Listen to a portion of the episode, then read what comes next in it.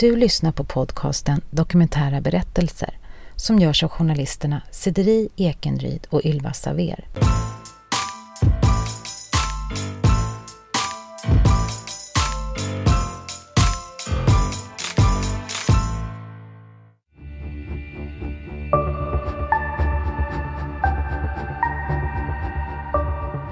I skuggan av grov gängkriminalitet finns det fler offer än endast de som skadas på plats, såsom syskon, barn, föräldrar och vänner. Hur påverkas egentligen deras liv? Den 15 februari 1989 så blev min mamma utsatt för ett mordförsök. I slutet av 80-talet blir tre personer överfallna i en lägenhet på Regeringsgatan i Stockholm. Två av dem mördas, men den tredje överlever. Morden är fortfarande ouppklarade, men tros ha varit en uppgörelse bland kriminella gäng.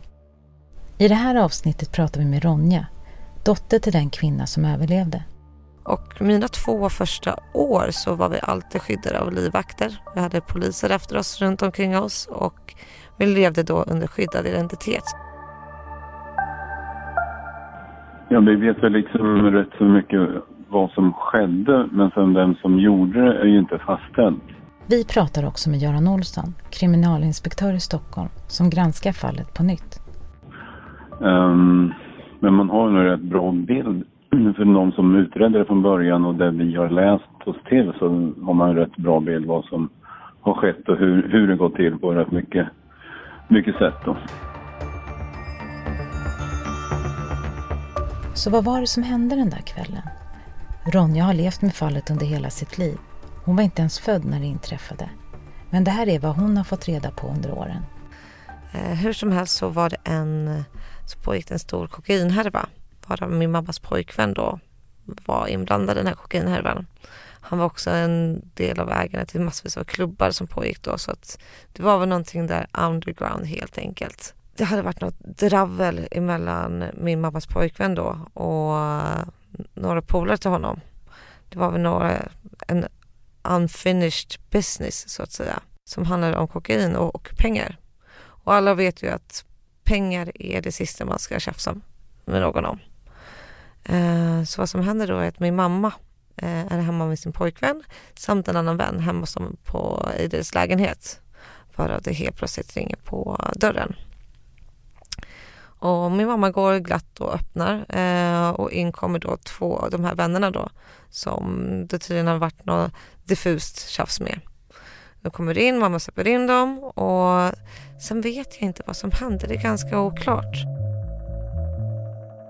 Det var eh, två män och en kvinna i en lägenhet som vart um, överfallna. Om, de, om det var från personer som var inne i lägenheten eller som varit insläppta, det är inte riktigt fastställt. Men allting slutar med att min mamma ska tydligen ha gått in på toaletten och gömt sig för det börjar uppstå ett bråk. Och min mamma springer in på toaletten. Och ute där i vardagsrummet då så um, skjuts min mammas pojkvän och hans vän. Och faller ner till golvet. Men sen så vart då de här männen eh, vart skjutna och en kvinna då vart svårt misshandlad. Så man trodde nog först att de eh, hade dött av skadorna. Ronjas mamma får en symaskin i huvudet som gör att hon blir medvetslös. Och tuppar av och får ett dödssprattel, gör hon. Så de tror att hon är död och det är då de sticker ut därifrån, då, mördarna. De som gick in i lägenheten där, jag tror det var piketen som kom först då. I och med att man hörde skottlossning där så, eh, så um, trodde man redan de, när de kom till platsen, att eh, hon var död också. De två männen som blivit skjutna har också blivit skurna i halsen. Men eh, det är att man skär halsen av någon och eh, då kommer tungan ut genom eh, öppningen i halsen då, eller kan komma ut. Sen så vet jag att min mormor fick ett samtal om det här från polisen och de kommer sedan hem till dem. Och vad som händer där, det är att de, de berättar vad som har hänt. Om min mormor åker ut och min mamma hamnar på sjukhus. Vad jag tror att hon är, det är att hon ligger i koma i tre månader och hon blir då förlamad i halva sin högra sida av kroppen. Så att eh, hon vaknade i alla fall upp från koman sen och hennes rehabilitering var väl ganska lång så att säga. Men efter ett tag då så kom min pappa in i bilden helt, eh, helt plötsligt. Han var också en del av det här gänget och min mamma blev på en gång liksom på smällen med mig. Och saken är den att hon var ju inte helt frisk. Det var ju inte. Hon har fått en symaskin i skallen vilket bidrog till en hjärnskada. Hon var fortfarande inte helt rehabiliterad från sin förlamning som hon hade på halva högsidan. Och de tvingade henne att gå upp för trappor som en del av rehabiliteringen. Vilket gjorde så att hon sedan kunde gå i alla fall. Men fortfarande med lite haltande. Um, så när mamma hade vet ni, jag fått reda på att hon var gravid med mig så var det lite tveksamt på om jag skulle finnas kvar där, om hon skulle orka ta sig igenom det med tanke på hennes hjärnskada, med förlamning, med allt det där. Men eh, vi körde på helt enkelt, eller de körde på helt enkelt och sen så kom jag till, eh, till livet då. Och mina två första år så var vi alltid skyddade av livvakter. Vi hade poliser efter oss runt omkring oss och vi levde då under skyddad identitet. Just för att mordbilden eller dödshotet på oss var så pass stor. Så var jag, vart jag, min mormor och min mamma än befann oss så var vi alltid skyddade dygnet runt då, av poliser och livvakter. De lever med livvakter och skyddad identitet. En åtgärd som krävs eftersom gärningsmannen fortfarande är på fri fot. Men de som gjorde den bedömningen då, det var ju det som den hotbilden som fanns, eh, där man tyckte att det var i vart fall. Sen, och den tror jag inte var eh, helt påhittad heller, utan jag tror att det fanns en substans till att man inte visste vem och varför och, och andra omständigheter hon förlorar i sitt korttidsminne, om man säger så. Och kommer bara ihåg allting som hände innan olyckan. Och um, hon har bara fått återberättelse lite till små detaljer. För resten har min familj velat dölja helt enkelt. Hjärnskadan gör att Ronjas mamma inte minns vad det är som har hänt. Men polisens utredning leder till att man misstänker två män för morden. De håller sig undan och två år senare ska de även vara döda de här personerna då som blev anklagade för mordet, för det var två personer. Den ena tog livet av sig och den andra personen sägs ha blivit skjuten i en trappuppgång.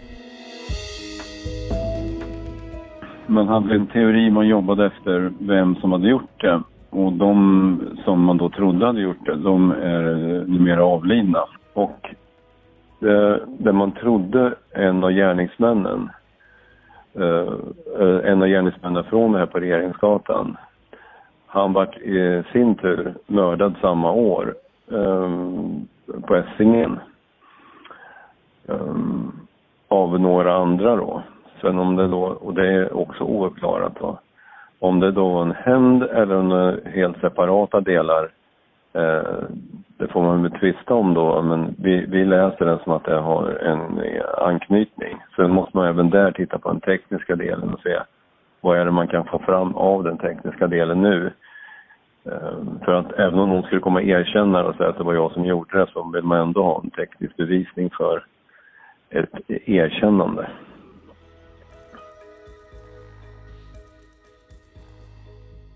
Sen är det en, sen är det en tuff värld de har, de har hamnat i de här offren här också. För, för när man tittar runt omkring på, på andra personer runt omkring så finns de med bland eh, andra brottsoffer också för grova våldsbrott. Då. Så att det, det, är inte bara de här två på Regeringsgatan utan det är flera som har dykt upp på olika ställen. Då. Så när, när, vi tittar på ärendet så brukar vi se vilka personer är omnämnda, vilka var som är bekantskapskretsen, vilka eh, är omnämnda på andra ställen. Som man sa att en av de misstänkta var mördad och den andra liksom, eh, överdos eller självmord då. Men så ser man andra personer runt omkring som också har blivit offer efteråt sen då i olika kriminella uppgörelser, vad man kallar det för då. Så att eh, det finns en, en linje som, som går igenom på eh, att man hamnar i fel kretsar och sen så eh, hamnar man där det blir väldigt mycket uppgörelser med, med kriminalitet då. Och det slutar ibland då i, med mord eller dråp eller någonting. Polisen kommer alltså inte vidare i utredningen och så småningom läggs den ner.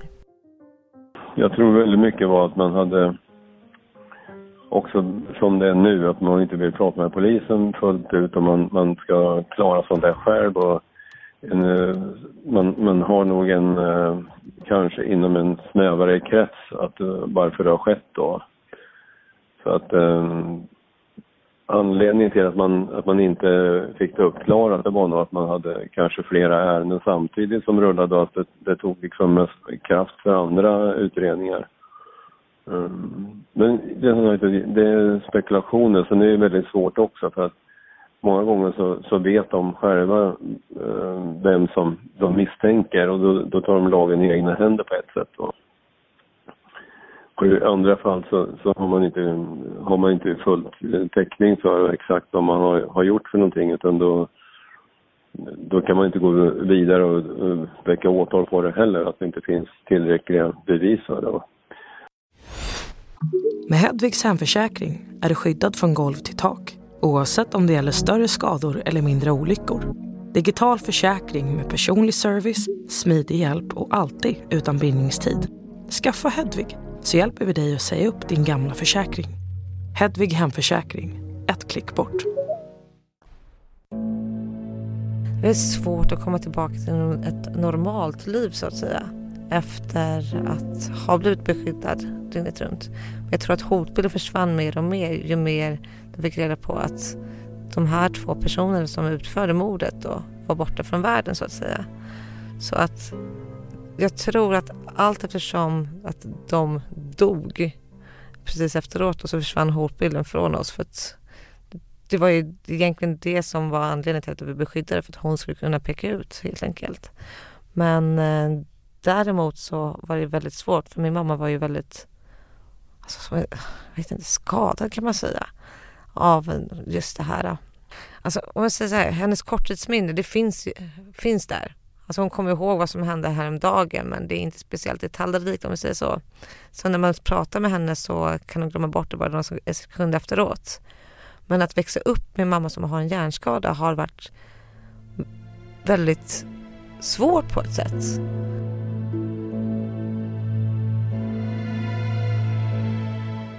Livvakterna behövs inte längre och Ronja växer upp med sin mamma. Hennes pappa har hon inte kontakt med. Min pappa han var också en, inte en del av det här men han var väl en kriminell kille helt enkelt. Han rånade väl massa saker helt enkelt. Och eh, han tog väl droger, det var väl någon drogbusiness också. Han åkte ut och in i fängelse, han var kassaskåpsrånare som kände till de här eh, i den här maffiagruppen. Och han var väl en del av det men inte riktigt. Och min mamma ville väl att jag skulle ha högsta möjliga skydd. Så hon sa till mig att min pappa var farlig. Fast han inte var farlig. Um, I alla fall inte mot mig. Han sa till att han var farlig, att han inte ville ha kontakt med mig. Att det var... Nej, han ville inte ha någonting med mig att göra. Han ville bara glömma bort mig. Och det var ju ganska tufft för mig att höra som ung. Att höra att en pappa inte ville ha en. Att ens pappa inte ville veta av en. Men när det egentligen har legat och grytt i att han har försökt få kontakt med mig hur mycket som helst. Han har skickat saker till mig, han har försökt få kontakt med mig, men min mamma vill inte veta av honom. Så att det har liksom varit, det har varit så mycket som jag inte fått reda på och inte fått en, eh, höra sanningen till. Men samtidigt så är det väl för att mamma har velat beskydda mig på, på största möjliga sätt helt enkelt. Just för att ha, ha avstånd mot den här kriminella världen. När hon är 11 år får hon för första gången träffa sin pappa. De utvecklar en bra relation på distans. Men hon bor kvar hemma hos sin mamma som har träffat en ny man. min mamma hon eh, jobbade ju inte under min uppväxt utan hon hade väl ett extra jobb och som gick ut på att klippa frimärken, inte vet jag. Det var bara för att aktivera hjärnan helt enkelt. Så hon har gått på sjukpension i hela livet. Så jobbade hon lite på Myrorna kommer jag ihåg. Hur som helst så hade hon träffat en snubbe där på Myrorna som ehm, hon sen blev tillsammans med. Den här snubben han var, alltså han är en riktigt härlig kille egentligen måste jag säga. Han var, var rolig, han flyttade sedan in med oss, han var rolig. Han eh, tog ut mig ut i naturen. Han eh, vi skämtade mycket, det var ganska glatt ändå. Däremot så var han väl inte den snällaste mot mig när jag var yngre. När man är yngre så är jag var ju ganska osäker som person och min mamma som också var väldigt osäker i sig själv då på grund av att hon inte visste hur hon skulle hantera sig själv. Det var fortfarande en del av rehabiliteringen. Det är en daglig rehabilitering för henne och arbeta med både hjärnan och sig själv hela tiden. Så låg mycket ansvar i hans händer för att han var så kallad frisk inom situationstecken. Uh, eh, däremot så när det var bråk när jag var yngre så blev han väldigt hårdhänt mot mig. Det kunde vara allt från att aga på rumpan, allt från, jag kommer ihåg en gång där han slängde in mig i en stentrappa. Ehm, samt också då när han tog tag i mig och lyfte mig i örat. För att jag hade spelat in ett bråk faktiskt. Jag var lite smart när jag var yngre. Fortfarande smart. Men eh, jag hade spelat in ett bråk för att de var så himla våldsamma. Så att jag tog en, en liten radio som jag kunde spela in. Och så spelade jag in det medan vi bråkade. Det var bara det att han upptäckte att jag spelade in vårt bråk. Och då ville han slita ifrån den här inspelningen, alltså kassettbandet som jag spelade in allting på. Ville han slita ifrån mig den, men jag ville ha, ha kvar den i handen för att jag skulle visa min mormor. Min mormor som har varit alltså ljuset i mitt liv och min räddning så att säga. Um, men så, så fick han tag på den genom att han tog tag mig i örat och lyfte mig i örat. Så illa så att jag sen började blöda. Så slängde han ner mig på golvet också. Och det var sånt här som hände till och från. Och det här är någonting som jag inte egentligen har pratat om med mina föräldrar och eller mina föräldrar, min mormor som har varit väldigt nära. För jag har inte vågat. För jag hade trott att det kommer bli värre om jag säger någonting. Det är lite sorgligt egentligen för att det här gjorde ju mig mer osäker och det här är någonting som också har påverkat mig nu i vuxen ålder och under den tiden jag var uppväxt för att när man växer upp med de här energierna omkring sig att våld kan bli en del av vardagen. Även fast det inte är så mörkt som det kanske låter så hände, det skedde i mitt hem. Och samtidigt att ha en mamma som inte fungerar helt precis som hon ska men fortfarande är världens bästa underbaraste mamma, misstro mig inte. Eh, och sen så han där då. Som barn så blir man väldigt, väldigt osäker i sig själv. Och jag trodde ju att det är så här livet är. Det här är en vardag och det är så det, det kommer gå till liksom. Så att nu när jag har vuxit upp så har jag dragit mig väldigt mycket till destruktiva förhållanden i jag själv. Som har varit förjäkliga helt enkelt. Det har varit mycket våld i mina relationer och jag har även varit med om att mina expojkvänner då har det gått så långt så att de har liksom hållit mig utanför fönstret och velat släppa mig därifrån. Det har varit stolar som har kastats. Det har varit eh, psykisk och fysisk misshandel i princip varje dag mot mig. Och det här är någonting som gjorde mig själv osäker också. För att innerst inne så är jag väl en väldigt osäker person. Och jag, för att jag växte upp med de här energierna runt omkring mig så trodde jag att det här är en del av vardagen. Och jag har väl alltid haft en rädsla att bli lämnad. För det var lämnad jag blev av min pappa, så att säga. Vad jag fick höra. Ronjas uppväxt efter mordförsöket på sin mamma har varit allt annat än enkel. Kanske beror det på att fallet aldrig har lösts. Så hur ser polisens utredningsarbete ut idag? Göran Olsson igen. man, man pratar rätt mycket om att det var polisiärt uppklarat. Att man tyckte man hade fått en bild vem som hade gjort det och varför och på vilket sätt då. Men eh, vi vill ändå titta en gång till och se, finns det ytterligare någon, någon, eh, någon möjlighet att det skulle finnas ytterligare någon person eller att det är några andra som skulle kunna ha gjort det. Men eh, som det ser ut just nu så ser vi inga andra än de som då var misstänkta förut. vi försöker läsa om allting från början och se, finns det någonting annorlunda än vi skulle kunna se nu? Finns det någon mer man skulle kunna prata med?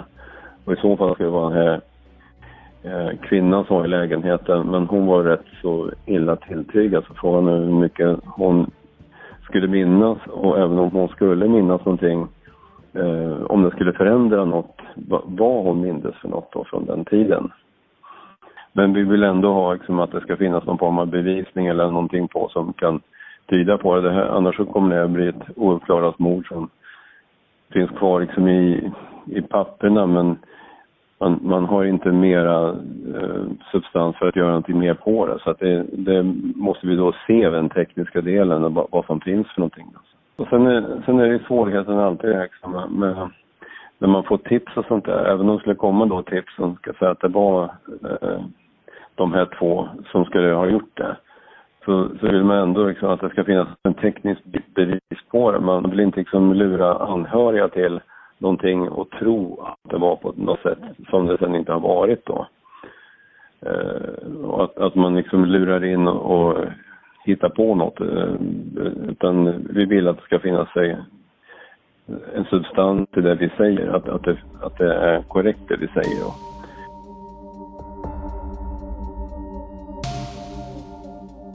Vad jag blir förundrad över är att det inte finns mer info att få tag på. Och det här är någonting som jag känner i mitt hjärta att jag vill klara upp det här. Jag vill få det uppklarat för att veta vad som egentligen hänt. För det är ju en del av mitt liv som har hållits undan så pass länge för mig. Men det är omöjligt i princip att få tag på någonting på internet än det jag just har berättat. Och jag vet då att min mormor dessvärre har stängt tidningsurklipp. Men vad jag vet är att jag hade min att min mamma hamnade i koma av det och att det, det rörde sig om en stor kokainhärva. Det är väl det jag vet. Plus att de här då dog, de här personerna. Det är därför det är ouppklarat. Så det finns egentligen ingen mer info att få tag på än den som redan har getts. För min mamma minns ju inte så mycket heller. Det har gått 30 år sedan morden och att komma vidare i utredningen idag är en utmaning. Sen är det, sen är det svårt, det är sen gamla ärenden som är ja, de äldsta vi har nu de är ju över 30 år eh, gamla. Och det är ju väldigt många av både poliser och misstänkta och vittnen som har, har eh, ja, tappat minne och dött och inte finns kvar på något sätt att, att hämta information ifrån. Så att de har inte så mycket, utan det är, det är väldigt mycket av den faktiska uppgiften som finns i utredningarna, både tekniskt och skrivet.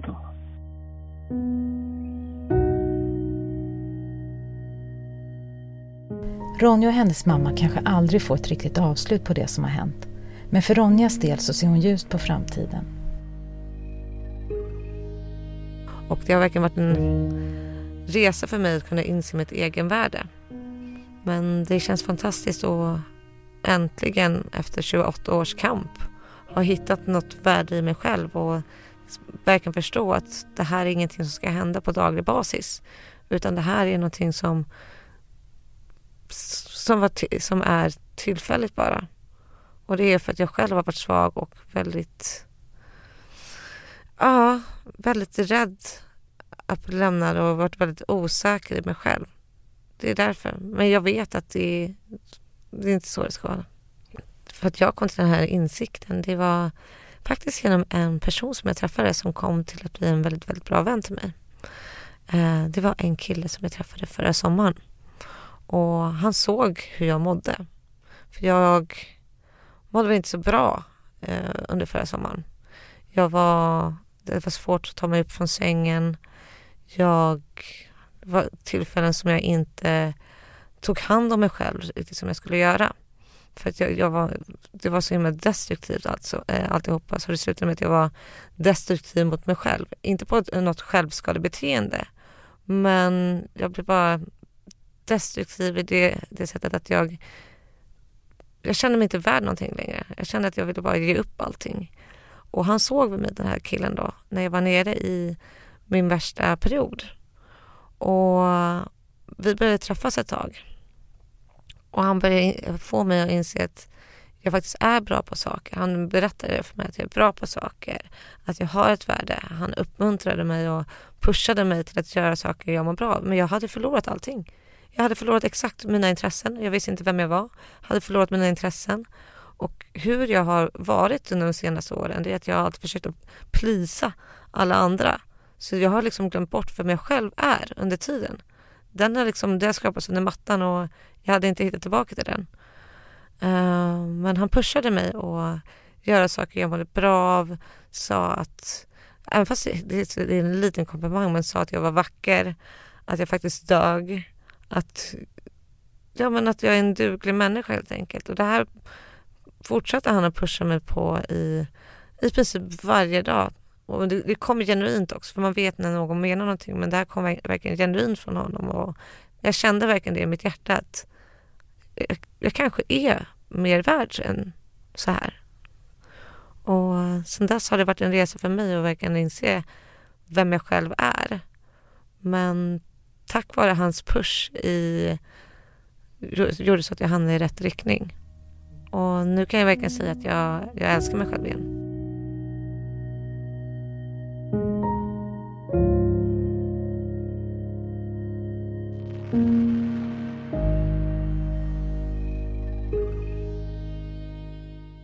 Du har lyssnat på avsnittet Morden på Regeringsgatan.